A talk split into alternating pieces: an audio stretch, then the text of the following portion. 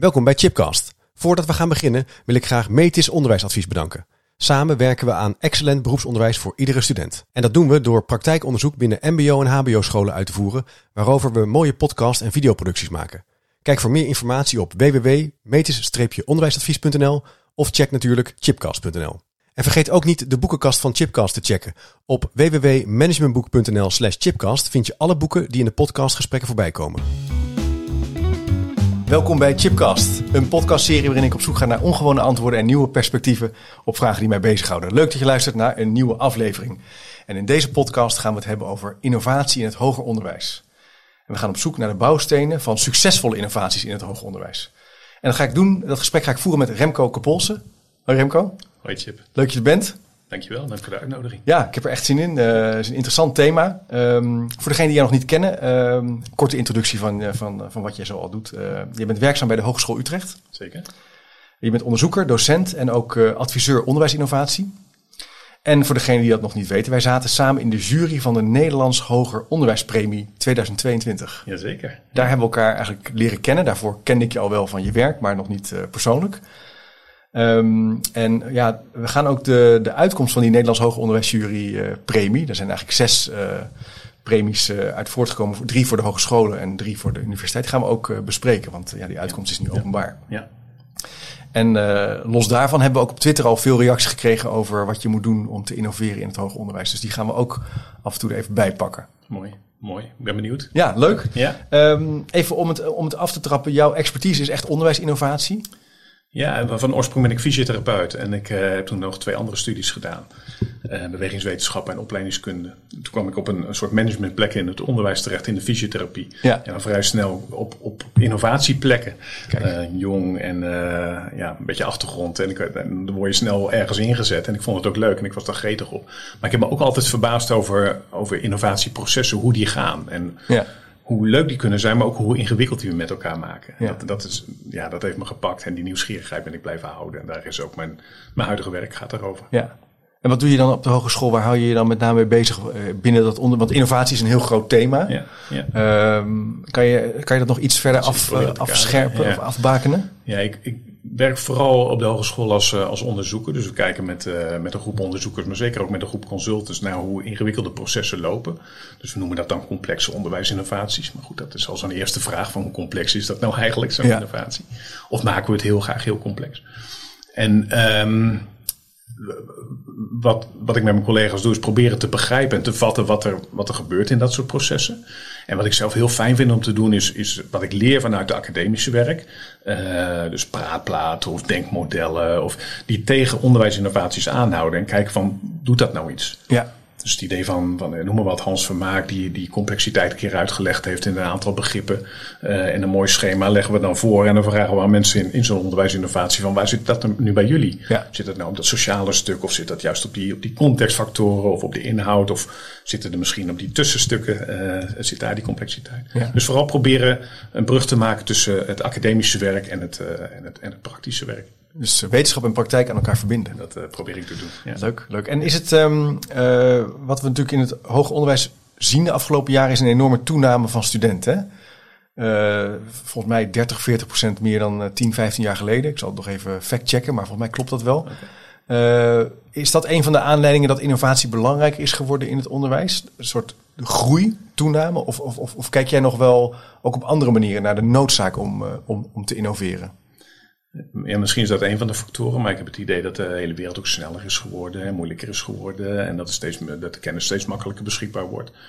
Uh, de processen ingewikkelder worden, um, de organisaties, uh, wat, wat, wat, ja, de grenzen van organisaties zoekender worden. Dus ja. ik heb het idee dat, dat, dat ja, dat is ook niet nieuw denk ik, maar de wereld zo snel aan het veranderen is, dat je als, om mee te blijven gaan als onderwijs, of zelfs af en toe als voorop blijven lopen, uh, voorop blijvende lopende ploeg, ja. Uh, ja, snel moet mee ontwikkelen. Ja, doorontwikkelen je onderwijs, doorontwikkelen ook wel in relatie tot het doen van onderzoek. Hè. In, ik denk in het hoger onderwijs, er wordt natuurlijk heel veel praktijkonderzoek hè, in de vorm binnen lectoraten, Zeker. maar ook in stages uh, uitgevoerd. En helemaal op de universiteiten is uh, het, het, doen van onderzoek, ja, het gaat over techniek, processen.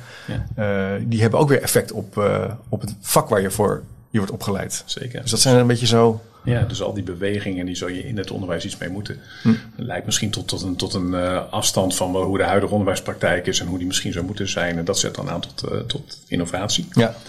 Um, maar goed, je, je hebt het over onderzoek en onderwijs. En dat, dat, is ook altijd nog wel zoeken, vind ik, hoe je, hoe je de uitkomsten van onderzoek en, uh, uh, ja, en het onderwijs aan elkaar verbindt. Maar misschien ja. is dat nog eens een thema voor later. Ja, ja, ja precies. Want dat, dat is ook wel een uitdagende vraag. Wat we gaan doen in deze podcast, onder andere, zijn, zijn dus die, die, die, die uh, innovatieve hogescholen, innovatieve universiteiten bespreken. Die, die uitreiking is al geweest. Hè? Ja.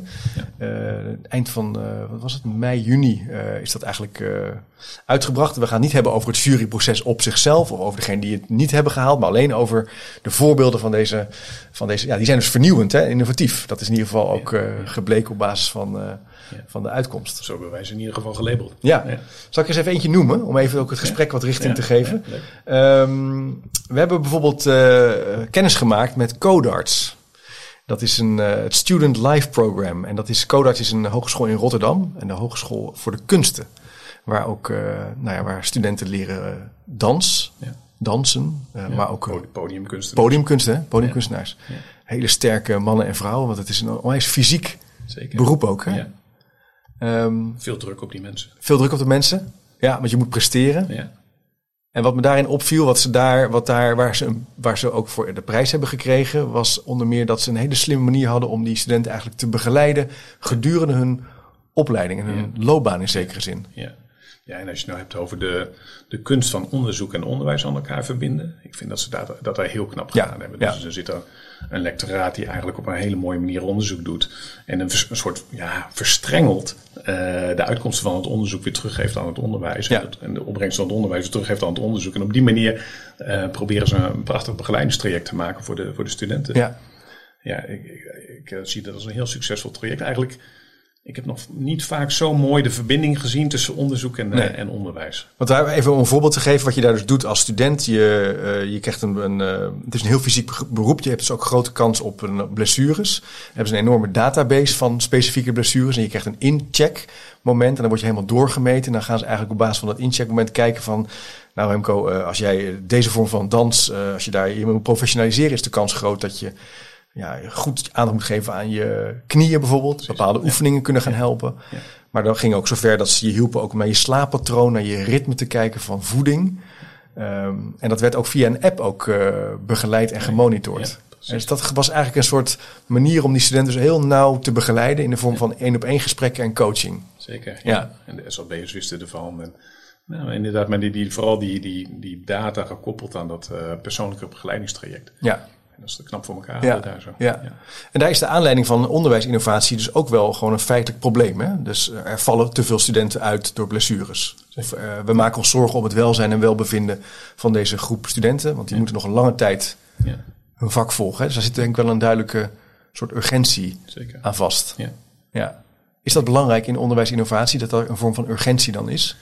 Ja, ja, ja de, de, misschien is het een beetje open deur. Ja, maar, maar, maar ze, ik denk dat, de, dat veel innovaties, um, of geslaagde innovaties, en we zagen dat eigenlijk ook in die, met die Nederlandse hoge onderwijspremie.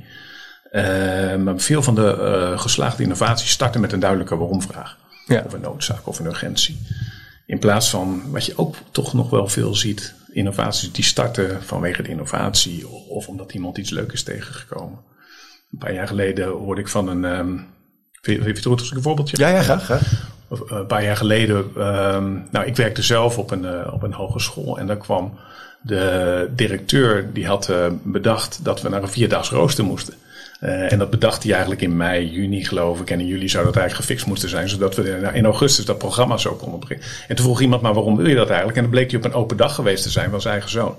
Uh, van een hele totaal andere school. En die had dus een vierdaags rooster en dat sprak hem eigenlijk wel aan. Ja, dat, dat is een ingewikkelde, want ja. dan heb je dus een, een, ergens iets opgevangen. Heb je eigenlijk geen hele scherpe analyse gedaan van wat er in jouw school op dat moment aan de hand is. Ja. Um, uh, je besluit wel om een, een, vrij grote beleidsmaatregel eigenlijk in te zetten. Ja. En, en uh, met, met een enorme aarzeling van je personeel. Die denkt, ja, hoezo? Dit zie je ook op Twitter hè, terugkomen. Ik heb er even een vraag over gesteld naar de luisteraars. Van wat is nou een dooddoener voor innovatie? Daar zeggen ze precies dit. Okay. Een innovatie zonder een specifieke aanleiding. Het innoveren om het innoveren. Ja. En ik denk dat dat bij Codarts heel duidelijk uh, niet het geval is. Ze laten zien hoe het wel moet, in zekere ja, zin. Ja, en, en het, HBO, en het WO ken ik misschien onvoldoende, maar in het HBO zie je denk ik toch nog wel heel veel innovaties die starten vanuit een soort doorgeslagen hobbyisme. Ja. Of, of, of, een leuk idee, of weet je wat gaaf is wat we zouden moeten doen. En dan komt er iemand die met een heel inhoudelijk betoog. Dus het is ook heel verleidelijk om mee te gaan. Ja, een soort droom. Ja, een soort droom en je hebt energie en dan wil je bij horen en dan meegaan. En Zonder dat er eigenlijk dan bedacht wordt van, maar, maar welk probleem lost dat nou precies op? Oké, okay, is een mooie check. Dus als je met innovatie bezig bent, uh, je mag best eens een droom hebben. Je mag je best laten inspireren. Maar kijk goed naar een, de propositie en de analyse van de huidige situatie. En waarom het noodzakelijk is om te vernieuwen, om te innoveren. Ja. En, en, als, als, je die niet kan maken, dan moet je misschien even achter je oren, oren krabben. Lijkt me wel. Oké. Leuk, zullen we nog eens even eentje pakken? Want dat helpt wel om even zo het gesprek uh, te voeren. Pak ik even een, um, uh, een hele andere, de, de Amsterdam Law Practice. Ja. ja. Um, dus dat zijn eigenlijk de, ja, de klassieke rechtenopleidingen. En uh, waar die overigens te maken hebben met een enorme groei van aantal studenten. Ja. Dat was ook wel iets wat, uh, wat duidelijk is geworden in hun, uh, in hun aanleiding. Precies. En die zijn gaan experimenteren met nieuwe vormen van, van leren ook. Hè? Mm -hmm. Dus daar werd bijvoorbeeld ook echt geoefend in simulaties. Ja. Ja. En dat is voor deze, ik durf te zeggen, vrij conservatieve beroepsgroep toch wel vrij innovatief. Ja, zeker. Ja, dat, dat, dat, uh, dat, was denk ik ook de toon en het gesprek wat we met elkaar gehad hebben, ook in de commissie. Um, en ik denk het zeker ook wat jij zegt. En ik kan me ook herinneren dat we, uh, dat we, dat we zelf ook nog opgetreden hebben als... Uh, ja, als, als, als, we hebben het ervaren als, als, ook, we, Ja, we hebben zelfs een toga aangehad om te ervaren hoe het is. Om, hoe je als advocaat jezelf kunt opstellen. Ja. En dan vanuit verschillende posities. Dus de, de meebewegende advocaat die vriendelijk is en, en, en eigenlijk op sociale processen is gericht versus eentje die met gestrekt been erin gaat. Ik ja. vind het een fantastische ervaring. Ja. Um, en ik denk ook zeker dat het een, een mooie innovatie is wat, wat, ze daar voor elkaar gekregen hebben. Zeker omdat het een hele grootschalige innovatie was. Ja. Dus het was niet iemand met een leuk idee die in een achterkamer iets bedacht heeft en het daar enorm goed aan het uitwerken is geweest. Maar ik, ik meen dat ze het over, nou ja, uh, uit mijn hoofd even veertien uh, verschillende uh, op, opleidingen hebben uit, ja. uitgerold. Ja, dat vraagt natuurlijk wel wat. Zo die, die, is geen standalone, is geen eilandje, maar dat is een innovatie die zich voortzet over uh, al die instituten. Ja, maar dat gaat dus ook over opschalen. Hè? Dus je ja. begint vaak klein met een, met, een, met een analyse of een probleem of een, een casus. En dan, maar je wil uiteindelijk ook dat het groter wordt. Dat was ook wel iets wat, wat deze uh, instanties ook hebben bewezen in zekere zin. Maar ja. wat zijn daar nou in, als je, hebt, als je het hebt over onderwijs, innovatie, de belangrijke kenmerken van? Hoe doe je dat nou goed? Het groter maken? Ja, ja, de, de, term die mee opkomt is, uh, is veranderen energie. Ja. Dus ik, ik, ik, denk dat het belangrijk is dat je met elkaar gelooft in zo'n uh, in zo'n thema. Dat je, dat je sponsors hebt. Dat je een, uh, een mooie samenwerking hebt tussen ja, zeg maar de, de, mensen die het in de praktijk aan het doen zijn. En de mensen die iets meer op afstand ja. naar zo'n vraagstuk kijken. Dus in, in mijn eigen promotiewerk gaat daar eigenlijk ook over. Van je, je kunt top-down innoveren in de zin van de, de de, hoe zeg je dat, de beïnvloeders in het onderwijs die bepalen hoe het moet en, en tegen de uitvoerders zeggen ze nou zo moet je doen. En andersom kun je zeggen heel bottom-up, vanuit de onderwijspraktijk komen die ideeën en dan moeten de, de beïnvloeders moeten dat maar uh, accepteren en vooral faciliteren en stimuleren. Maar uh, ik denk dat de kracht is om een, een wisselwerking te hebben tussen ja. enerzijds het, het, ik noem dat dan het exogene niveau en het endogene niveau. Ja. Dus dat die mensen elkaar op gezette tijden blijven vinden. En op het juiste moment ook de, de, de goede ploeg lekker in de energie zit. Je het ook een beetje mee uit de, de opvatting vandaag de dag dat alles bottom-up en alles organisch moet komen. Dat is toch een beetje het tijdsbeeld waar we in leven. Voor mij komen we er een beetje op terug. Maar lange tijd, als je ook naar de managementliteratuur kijkt, dan was er een soort weerstand ook tegen elke vorm van management en, en hiërarchie. Want dat zal alles, als het gaat over innovatie, ook kapot maken. Precies. Ik heb daar zelf ook wel in zekere zin ook wel wat radicalere koers op gevaren. Met name in mijn uh, onderzoeksperiode. Ik denk dat ik daar wel een beetje van ben teruggekomen. Jij zegt eigenlijk ook exogeen en endogeen. Het heeft, En endogeen, pardon, exogeen en endogeen het heeft elkaar nodig. Ja. Het is een soort uh, wisselwerking. Ik denk het wel, ja. Ik leer dat weer van Pieter Jan van Delft. Die heeft onderzoek gedaan in de publieke sector. Een groot aantal innovaties. Kijkt wat er succesvol is. En je ziet een innovatiecyclus ontstaan. Ja. Waarin exogeen en endogeen elkaar ja, eigenlijk... Uh, ja, bevlekken is een slecht woord, maar, Ja. maar de, de, de energieimpuls, ja, zeker Ja. besmetten, de energieimpuls doorgeven. Ja. En dat is eigenlijk de basis van het werk geweest wat we nu in onderwijsinnovatie doen. Waarin je ziet dat dan in een aantal rondes dat proces steeds, uh, uh, steeds gebeurt. Ja. Ik denk dat dat de kracht ook is geweest in die, uh, in die law school van de, van, van de UvA. Ja. Je, had, je hebt daar ook wat te maken met um, enorme initiatiefrijke, bevlogen mensen. Ik denk Zeker. dat dat sowieso Ja. wel eh, centraal staat in alle Ja. voorbeelden. Het zijn allemaal mensen die echt iets willen of eh, Ja. ja. zich ook zorgen maken. Ook positief, maar ook wel negatief. Ze vinden ook echt iets. Die heb je dus. Dat, je hebt ook een soort mens. Het gaat ook, om- het gaat ook wel erg om mensen hè, die, die iets willen. Ja, Eh, ik, ik denk het wel. Dat Dus is die- dan wel een punt. Dat, dat, dat heilige geloof, dat vuur, dat kan voortkomen uit enthousiasme, kan ook voortkomen uit frustratie. uit, hè, of uit Ja, zeker. Verontwaardiging Ja. of een verongelijkheid.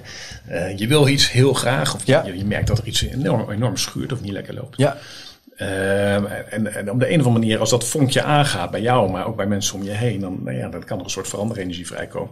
Ik denk in alle zesde cases die we gezien hebben, Zeker. die de prijs hebben gekregen, gebeurde dit. ja, dat viel mij ook echt op. Het waren allemaal mensen die echt ook wel ja, eh, gefrustreerd waren of boos waren. En niet in de lelijke zin, maar zich echt zorgen maken om iets. Zorgen maken, ja precies, of frictie ervaarden. Ja. Of, of- En ze hadden ook wel een wens, hè? ook een Ja. droom. Ze hadden allebei. Het was een soort eh, eh, angst en verlangen. Het was eigenlijk allebei. ja, mooi. En ik denk dat dat wel een... als we kijken naar Puls bijvoorbeeld, dat was de winnaar van de hogeschool eh, eh, Ja.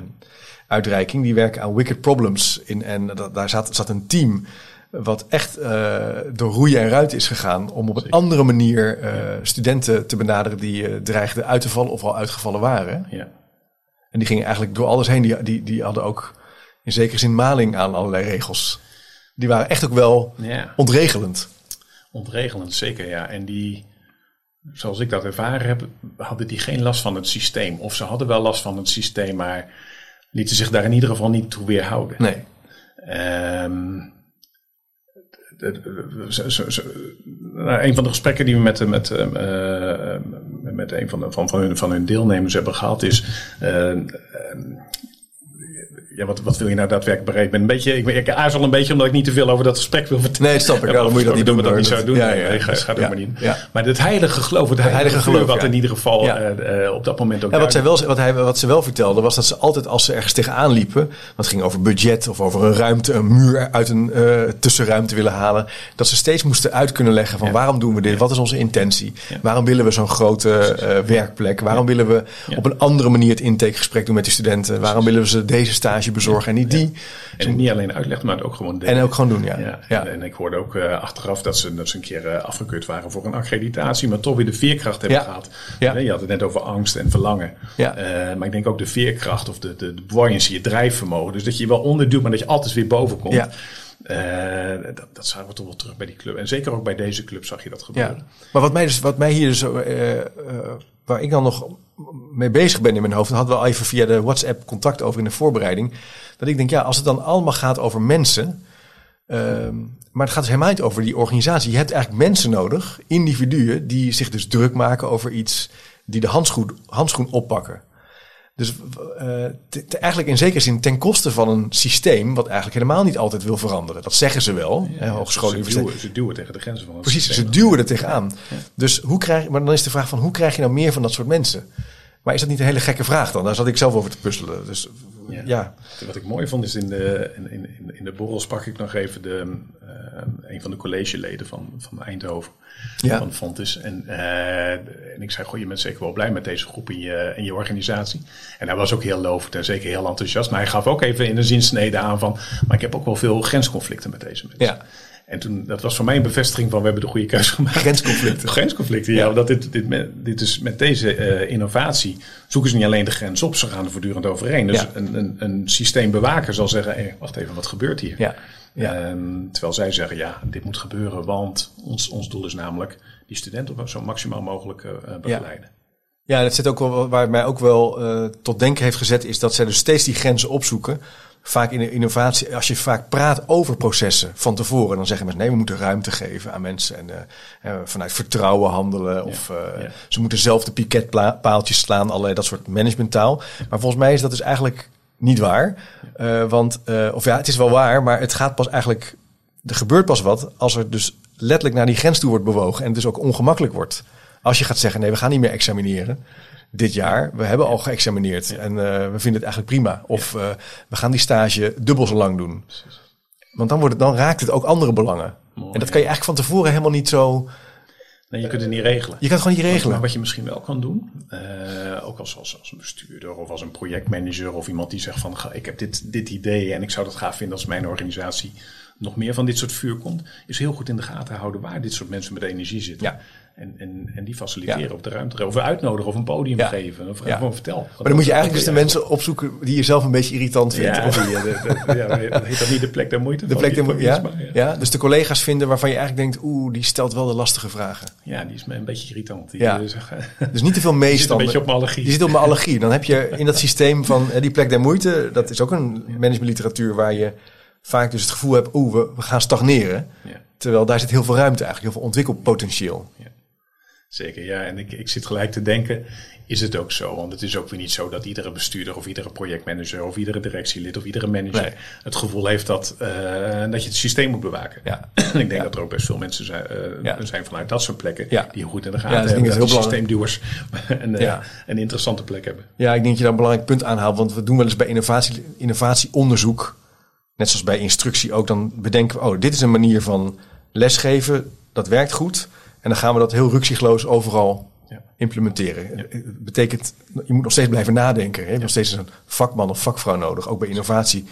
Uh, betekent niet dat je nu altijd tegenstanders moet hebben. Het is niet een soort uh, natuurkunde hè, als wetenschap. Hmm. Het is meer een beetje puzzelen. Ja. Van wat is in deze setting, in deze context. Zoeken, Bricoleren. hoe geven we dat hier vorm? Ja. En jij, jij stelde net de vraag van wat zijn nou de, de, de, de bouwstenen van innovatie? Wanneer kom je nou tot succesvolle ja, innovatie? Wat zijn de factoren? Een paar, ja, ja, precies. Ja, en ik, ik zit gelijk te denken wat ze uh, uh, bij Pulst heel mooi hebben gedaan, is hun eigen experimenteerruimte organiseren. Ja. Dus die, ja, die lieten zich niet heel de tijd beïnvloeden door wat het systeem graag van ze wilde. Ja. Maar die hebben eigenlijk een, een, plek met elkaar gemaakt waarin ze zijn gaan proberen en gaan spelen en gaan experimenteren en gaan zoeken. En, en uh, dat zijn ze blijven doen. Volgens mij doen ze dat nog steeds. En ik denk dat dat ook een enorme kracht van ze is. Dus dat is ook een beetje het punt van, uh, dat is een belangrijk principe. Uh, op een gegeven moment moet je dat praten over begrenzen.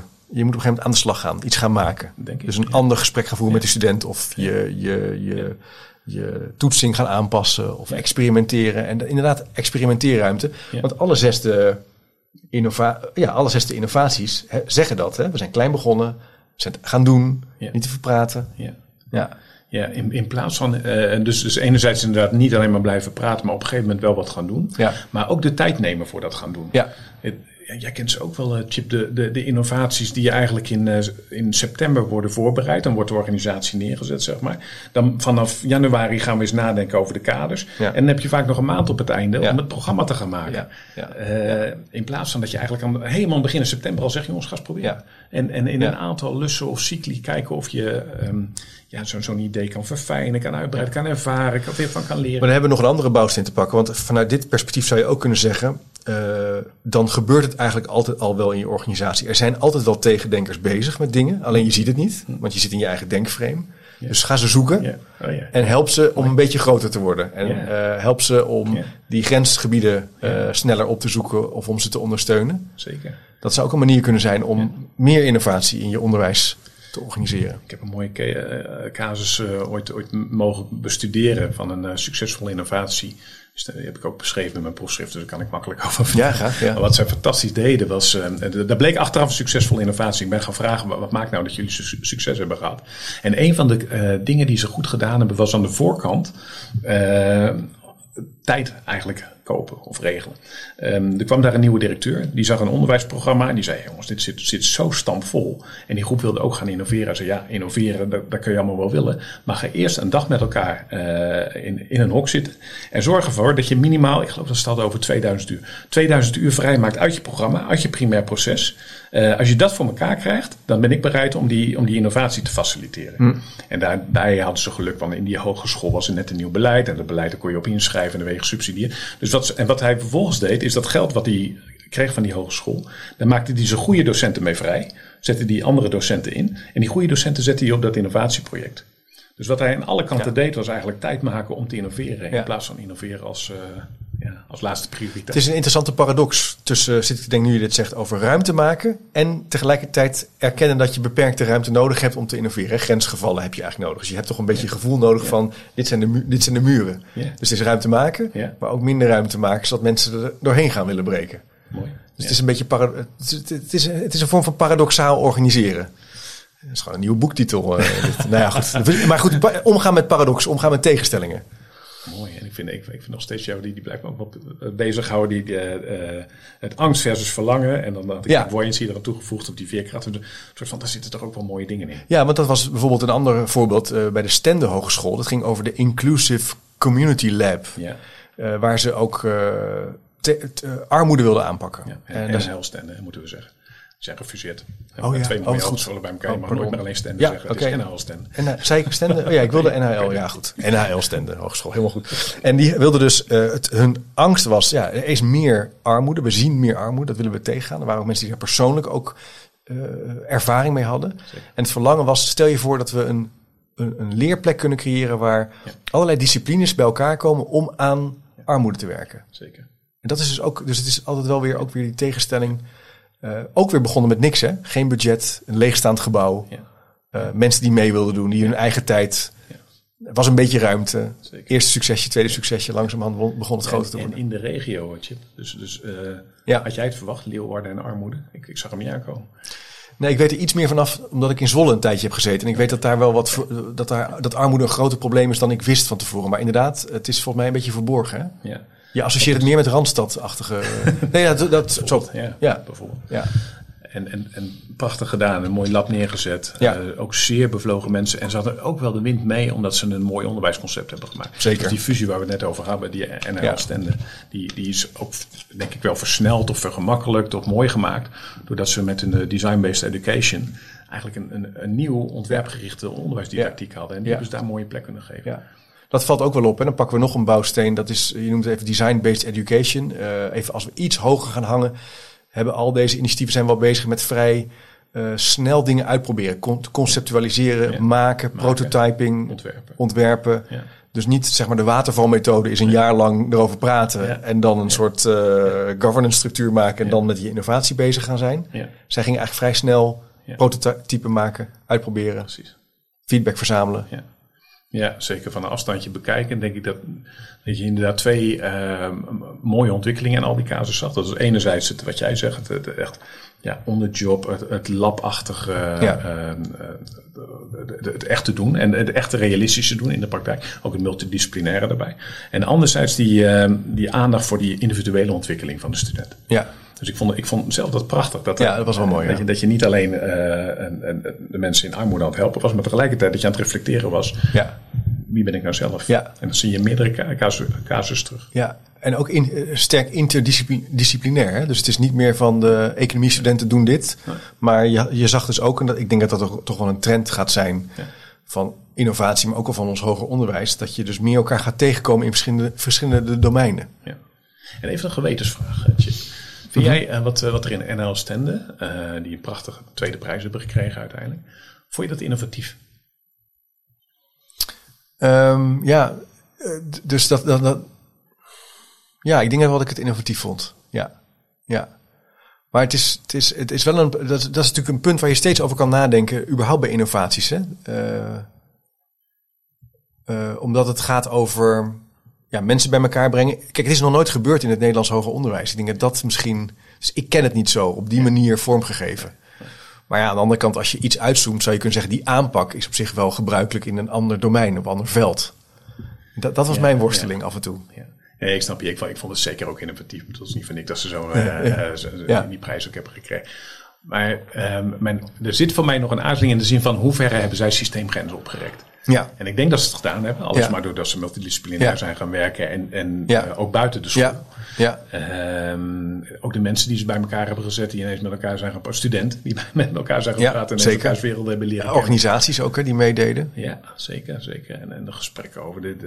ik begreep dat mensen tot één uur s'nachts nog met elkaar aan het appen waren. Over een stukje van het onderwijs wat daar, uh, uh, wat er gaande was. Dus er gebeurde veel. En, en en, en, en toch denk ik, ik, ik, vraag me af of zij gesprekken hebben gehad met hun college over de. Uh, over grenservaringen, ja. over grensconflicten, ja. of, de, of de plekken de moeite dat, zijn. Ja, dat, dat is natuurlijk altijd de vraag inderdaad.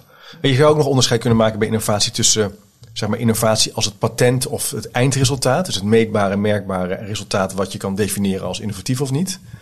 Hè, dan is Tesla bijvoorbeeld super innovatief. Ze zeggen, ja, die auto was er eerst niet, die is er nu wel. Dat is innovatief. Je zou nog kunnen kijken innovatie als het leerproces, als de on- het ontwikkelingsproces van de groep zelf. Ja. En dat kan je ook zien als een vorm van vernieuwend leren of on- eh, ontdekkend Ja. eh, leren. Eh, wat in het reguliere onderwijs al, eh, daar kan je een beetje van gaan fronsen. Maar bij experts kan je wel, is het wel soms nodig om dan ontdekkend te gaan nadenken over een bepaald vraagstuk. En dat vond ik wel heel sterk ontwikkeld bij deze groep. Ook omdat ze dat werkveld erbij hadden. Ze hadden bijvoorbeeld ook eh, een bank, herinner ik me, die, eh, die ook eh, rondom schuldsaneringen, hè, die betrokken ze er ook bij. En dat, dat vond ik dan wel weer sterk aan. De kre- kredietbank. De kredietbank. Ja, zeker. Ja. En jij, jij zei het net, van als je het nou hebt over bouwstenen van innovatie. Wat daar gebeurd is, ik denk niet op voorhand, maar dat het ontstaan is, daar is een, een team gekomen. Ja. Dus een paar mensen met, Ja. met een enorm goed idee, die, die hier zin in hadden. Die, de, die misschien het onderwijsconcept ook wel aangepakt hebben om hun, hè, een, een droom te verwezenlijken. Ja. Maar die zijn samengekomen en die zijn samen wat geworden. En ik denk ook, toch ook kijkend naar de andere eh, voorbeelden van innovatie die we gezien hebben. eh, zie je steeds een, een team als een, eh, ja, als, een, als een sleutel of zo. Als een Ja. Dat, dat het niet op één iemand blijft Nee. rusten. Nee, Maar dat het groter dan wordt. red je het ook niet volgens mij. Nee, en als die ene persoon ooit ontslag neemt. Precies, dan krijg je Dan dat, dan, zakt valt, dan zakt het in elkaar. Dat is natuurlijk altijd een risico, maar je wil, dat is, je wil ook op een gegeven moment dat het ook dat er meer mensen opstaan, dat er ook een beetje momentum komt. Hè, dat het gaat vliegen, zoals het wel eens in een populair managementboek eh, wordt genoemd. Maar ja, eh, Willem de Vlaming zegt nog, ja, wat je dus niet moet doen is, eh, oh, moet je kijken, dat werkte heel goed hier. Dat gaan we even copy-pasten bij een andere school. Hè. Dat is toch wel een risico. Hè. Je moet het toch helemaal zelf doorleven en voelen. En ik denk dat het veel gebeurt als je, een, een onderwijsinnovatie, een, een, een nieuw blended learning systeem wat bij, bij de PABO wordt uitgevoerd, wat journalistiek, journalistiek dan automatisch maar moet omarmen, dat gaat volgens mij niet Nee. vanzelf. Dus je zult altijd weer die, die terugstap moeten zeggen en zeggen, wat, waar zaten wij ook alweer mee? Wat, wat leverden de inzichten Ja. die bij de PABO op Vertragen. zijn? Even na, vertragen, ik denk er zijn meerdere mensen via Twitter die daar ook zich wel aan ergeren. Grote projecten die op, ja, op afstand van de praktijk worden aangekocht. Hè, ICT-systemen, maar ook nieuwe onderwijsmethodologie. en die worden dan als het ware doorgeduwd. De iPad-school. Ja, ja, hoewel dat misschien ook wel een initiatief is van één iemand, maar, maar in ja. een grote, hè, dat was, maar inderdaad, zo van, dan gaan we gewoon maar wat beginnen. Er is niet over nagedacht.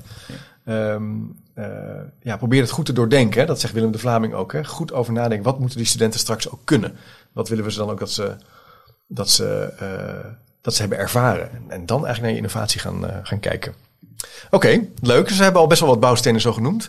Zullen we nog eens kijken naar eh, Shaping Responsible Futures? Dat was de Universiteit Twente. Ja, die werden dan eerste. Ja, hoe ver? Ja, 1, 2, 3 is allemaal nog een erg lastig eh, proces. Hè? Want het zijn natuurlijk allemaal waren echt wel topinzendingen. Ja. Maar ehm, dat ging over vraagstukken uit de regio hè, aanpakken. En eh, ook weer multidisciplinair eh, op die campus. Hè? Het was een soort ontmoetingswerkhub-achtige plek. Waar ze dus vragen, uit de, vragen van partners interdisciplinair gingen aanpakken. Ja. Ook met filosofen erbij. Ja, dat is heel veelzijdig. Heel veelzijdig, ja. Prachtige onderwijsprogramma's ook met, met, met, met werkvormen die, eh, die voor mij ook wel innovatief waren. De- en, de, en de regio en het, het, en het ontwerpgerichte, designgerichte. Ja. En, maar wat ik heel sterk daar ook vond, ehm, als, ik, als ik daar aan terugdenk, is de, de sponsoring die ze Ja. hadden. Dus ze, ze, eh, er waren mensen met een goed idee. Ja. Eh, die hebben dat prachtig vormgegeven. En die hebben dat in alle rust daar eh, in, in Twente hebben ze dat, hebben ze dat gerealiseerd. Ja. In alle rust en alle bescheidenheid. Dat vind ik ook charmant hoor. Eh, dus het zichzelf er helemaal in, in gelegd. Maar, maar tegelijkertijd hadden ze het ook goed geregeld op het, ja, als je het exogeen niveau wil noemen, eh, op het exogene niveau. Ja. Dus die, die- daar, daar was geen weerstand, er Nee. waren geen vragen. Je, Nee. je merkte dat die gesponsord werden door met Ja, ja, ja, ja, klopt ja. En volgens mij was, hebben ze daar ook een, ehm, een mooie switch gemaakt. Ik denk dat de initiatiefnemer van dat programma, die is uiteindelijk, ik dacht, DK geworden. Dus die, die geloofde erin en die is doorgeschoven. Ja. ja dat is natuurlijk Het is ook slim nadenken over hoe, Ja. je, hoe je mensen op een goede plek kan krijgen. eh, in het doorontwikkelen en doorbouwen. Dan klinkt het heel strategisch en misschien is het Nou, zo bedoel ik niet, maar meer van. dat niet, Maar, als het ook van jou is, Ja. want dat was heel duidelijk ook bij alle, eh, eh, alle voorbeelden. Eh, het, zijn, het is ook echt van mensen. Het is niet zomaar even iets wat je kan wegdoen. Ja, mensen dus echt. die geloofde erin al. Ja, precies, precies. Ja. En dat, dat merk je ook aan de emotie die er speelt als je het hebt over iets wat je gewoon helemaal van de grond af aanmaakt. Ja, ze waren daar ook bezig met het trans, transdisciplinair hè, nadenken over, ja. over een vraagstuk. Ja. En de studenten ook opleiden als change agent. Ja. Dus toen dacht ik, goh, het lijkt er eigenlijk wel op of het hele idee van veranderen. hè, Veranderen was vroeger een vak wat dan toch door externe adviseurs vaak werd. eh Hmm. Interne, externe adviseurs waren dan toch de expert over het veranderen. hè. Dat was nog in de tijd dat ik dat vak aan de we hebben studeerde bedrijfskunde, werd dat vak ook zo gegeven. En in de afgelopen 15 jaar zijn we volgens mij totaal uh, doorontwikkeld naar ja, iedereen is bezig met veranderen. Iedereen is bezig met vernieuwen. Het is onderdeel van uh, als je een natuurkundestudie doet of als je filosoof bent, kan je dus nadenken over veranderprocessen. Zeker. Dat, had ik, dat vond ik ook wel tof eraan. Ja, mooi inzicht. Ja, ja dat is toch ook zo. Ja. Niks staat meer stil in de alle Nee, dan komen we terug aan het begin wat jij zei. Van die, die, die, die snelheid van veranderen is zo groot geworden dat het eigenlijk wel hoort bij je professionele identiteit. Dat je ja, een beetje kaas gegeten hebt van ontwikkelprocessen. Ja, zeker. Je, kan, niet meer, uh, je kan niet meer dat uitbesteden aan, uh, aan een bureau of aan, aan een groepje mensen. Dat hoort gewoon bij je werk. Precies. Ja, en mooi dat ze dat inderdaad in al, eigenlijk in al die casus die we zien, of de meest, ook echt een plek heeft gekregen. Ja. Overigens het ook een ontwikkeling die ik zelf wel zie in het, uh, in het hoger onderwijs. Dus waar, waar voorheen veranderprocessen vaak inge, ingekocht werden. Dus dat er een uh, externe adviseur kwam. Zie je nu steeds meer in, in heel veel hbo-instellingen ook. Dat er intern consultancyclubs of mensen opgeleid worden ja. om veranderprocessen te gaan doen. Ja. En, uh, allemaal met andere namen. Bij de een heet het cardtracker, en de ander heet het liaison. En de derde heet het uh, consultant of tweede lijns. Maar ja. het, het, het, zijn allemaal prachtige voorbeelden van veranderkennis in, uh, ja. ja inpandig organiseren. Doe me wel denken aan dat de, de consequentie is ook dat je dus dat je vak wel ingewikkeld is geworden. Ja. Als je dus les geeft. Je bent niet alleen maar met wiskunde bezig nee. of met uh, biochemie of met uh, medisch, medisch vak wat je wil geven. Je bent ook nog eens met je vakontwikkeling bezig. Dat komt ook nog eens even je curriculum in. Dus er is wel meer bijgekomen en veel bijgekomen. Hmm. Terwijl we ook nog te maken hebben met een grote groei in het hoger onderwijs. Dus dat vind ik, ik snap ook wel dat sommige mensen soms denken van jeetje, het vraagt wel organisatiekracht. Hè? Het is niet even zomaar. Dus die veranderprocessen zijn microniveau bij die docent, ja. op, op een major-niveau bij de organisatie, ja. macroniveau in de organisatie en dan moet ze over in de wereld en dan moet ze ook nog eens toe ja. tot elkaar kunnen. Ja, want je hebt ook wel docenten die zeggen: ja, god, uh, het gaat maar door, die, het is nooit klaar. Hè? Het is, het, en Martijn Aslander schreef het ook wel eens: hè? nooit af. Ja. Dat is hierbij en dat kan ook wel een beetje on, onrustig maken in zekere zin. Ja. Ja, Goed, dat bedenk ik me nu echt door, doordat we er zo over hebben. Ja, nee, precies. En, en, ja, zo is het denk ik. En, en, en welkom in, het, uh, ja. in, in, deze maatschappij. Ja, welkom in deze maatschappij. ja, zo, ja. En tegelijkertijd is dat ook het prachtige, toch? Dat, het, ja. uh, dat je voortdurend in ontwikkeling met elkaar bent. En steeds wel die vraag blijven stellen van waarom. Ja. De, de, de sprak van het weekend een, um, een, kennis van me, die zit in een organisatie en uh, die, die gaan hartstikke goed. Dat is een, een, een, een opleiding die, die, die, die, lekker in elkaar zit, die uh, beloond wordt door de studenten, door de medewerkers. Uh, financieel zit het allemaal goed. En vervolgens bedenkt een bestuurder samen met een, met, met, een andere bestuurder dat we de management laten maar als tussenuit gaan schrappen. Ja. Dat we over drie maanden ge, ge, geaccrediteerd of gevisiteerd gaan worden. En je kun je afvragen of dat nou wel de slimste oplossing ja. is voor, voor zo'n moment. Ja. Ja, ik snap wel dat bestuurders en managers soms dingen zien die anderen niet zien. Hm. Maar inderdaad, pas heel erg op met, toch een, met een eenzijdig denkframe. Dat je, het, ja. dat je niet uh, meer kijkt in de. niet meer nieuwsgierig bent naar de opvatting van anderen. Dat kan toch ook heel veel schade brokken. Maar dat, ja, dat is toch al. Dat is al, ja. dat is al zo oud naar de weg uh, naar Rome, hè? Dat dit soort. Ja. Ja. Nee, precies. Het was ook niet mijn bedoeling om kritiek op bestuurders te hebben, maar meer op de. Nee, nee, nee maar het, is, het, het gebeurt. Micro, micro, ja, ja, ja. Zo'n macro-niveau om te kijken van wat is nou de reden van deze verandering? Ja. Dus dat, moeten we dat nou wel ja. willen? En zoek dus ook meer de grensgevallen op. Ja. Snap ook meer waar, waar de grens zit van je eigen denken, waar het denken van de ander begint, waar, waar de vernieuwing stopt en de verbetering begint. Dat is misschien, hè, dus dat die, is spannend. Dat is wel spannend, ja. ja. Leuk. Uh, nou, hebben we volgens mij wel een, wel een mooie verkenning zo geboden van hoe je kunt kijken naar de bouwstenen van, uh, van, van innoveren in het hoger onderwijs. Um, ja, er komen nog steeds reacties binnen via Twitter van mensen zeggen: ja, wat je echt niet moet doen, is iemand uitnodigen. Uh, en dan uh, een voetballer of een econoom. En die dan gaat vertellen dat de wereld gaat veranderen. Daar voel je ook wel van aan. Hè? Dat, dat wil je niet bij vernieuwing. Um, het is wel soms leuk om het is wel soms een econoom te horen. Ja, die, precies. Die, dat vind ik. Even een totaal ander licht laat schijnen. Of, ja. Uh, ja, maar, maar, misschien is dit niet 1, 2. Nee. Uh, nee. 1, 2, 3 dat je door moet gaan voeren, nee. maar dat je ze even laat inspireren door een andere. Ja. Maar zie je het dan ook voor wat het is? Ja. Een soort vorm van, ja, ja. entertainment, vermaak, uh, uh, een ander denkkader. Hoe dat kan kijken naar je eigen organisatie. En ga dan goed kijken naar het waarom en de analyse. Hè? Want dat, dat is ook wel waar we dan op uitkomen. Leuk. Um, nou, uh, laat duidelijk zijn dat wij, uh, ja, wij reflecteren eigenlijk op die Nederlands hoger onderwijspremie. Hè, maar dat is even voor ons uh, gewoon een persoonlijke, persoonlijke verkenning. Hè. In zekere zin praten we niet namens de jury of zo. Dat moet ik er toch maar even bij zetten. Zeggen. Goed, Hoewel het al lang is afgerond. Ja. Maar we vonden het gewoon leuk om even ook naar deze winnende projecten te kijken. Ik zal ze ook even op de speaker notes noemen. Dat je er ook even naartoe kan gaan en er kennis van kan nemen. Want het zijn echt hele mooie vernieuwingsprocessen, innovatieprocessen. Ja, en mensen die nu bezig zijn met innovatie, denk vooral na of je volgend jaar niet mee wil doen aan Uh, oh ja, ja, maar dat gaat weer gebeuren. Ja, ja, dat zit er weer aan te komen. En ja. ik moet zeggen dat ik dat toch echt een prachtig podium vond. Ja, zeker. Uh, zowel voor de mensen die inbrachten, maar zeker. ik vond het ook zelf ontzettend leuk om, was heel leuk. om in die jury te zitten. Ja, ja. Um, waar je enerzijds uh, de, de, ja, een inkijkje kreeg, kreeg, in de keuken van, de, van die innovatieprocessen. Ja. En tegelijkertijd ook heel zorgvuldig met elkaar aan het afwegen bent van hoe, uh, hoe kijken we hier nou naar. Zeker. Prachtig. Eigenlijk zou je dat ook vaker moeten doen, los dat je van in de jury zit. Hè? Want het dwingt je ook om gestructureerd te kijken. Ja. Dus uh, nou, luisteraar, bedenk gewoon je eigen jury. Hè? Gestructureerd kijken naar je eigen innovatie. Um, we zullen nog even wat, wat, linkjes plaatsen van wat Remco net vertelde. Ook over, uh, over innoveren en over die twee werelden. Hoe je die bij elkaar kan brengen. En die uh, cirkels waar we het even over hadden. ik zou zeggen, blijf luisteren, blijf kijken. ga even naar chipcast.nl slash doe mee. Als je de nieuwsbrief wil ontvangen. Die krijg je dan om de week gratis en voor niks. Ik zeg altijd maar zo, wie wil dat nou niet? Remco, dankjewel ja, voor je tijd. Ja, en tot de volgende keer. Nieuwsgierig naar meer? Abonneer je op de nieuwsbrief en je mist niks. Ga naar www.chipcast.nl slash doe mee. Wist je dat er op chipcast.nl meer dan 200 afleveringen over onderwijs, samenwerken, innovatie, verbetermanagement, leiderschap, organisatieverandering en filosofie te vinden zijn? Blij met deze podcast? Je helpt Chip enorm met een review of recensie op Spotify of Apple Podcast. Je kunt trouwens alle gesprekken op YouTube bekijken. En vergeet je dan niet te abonneren. Tot slot nog even dit. Managementboek heeft ook een podcast, De Boekenpraktijk, over managementboeken. Check ook deze podcast via je favoriete podcast app.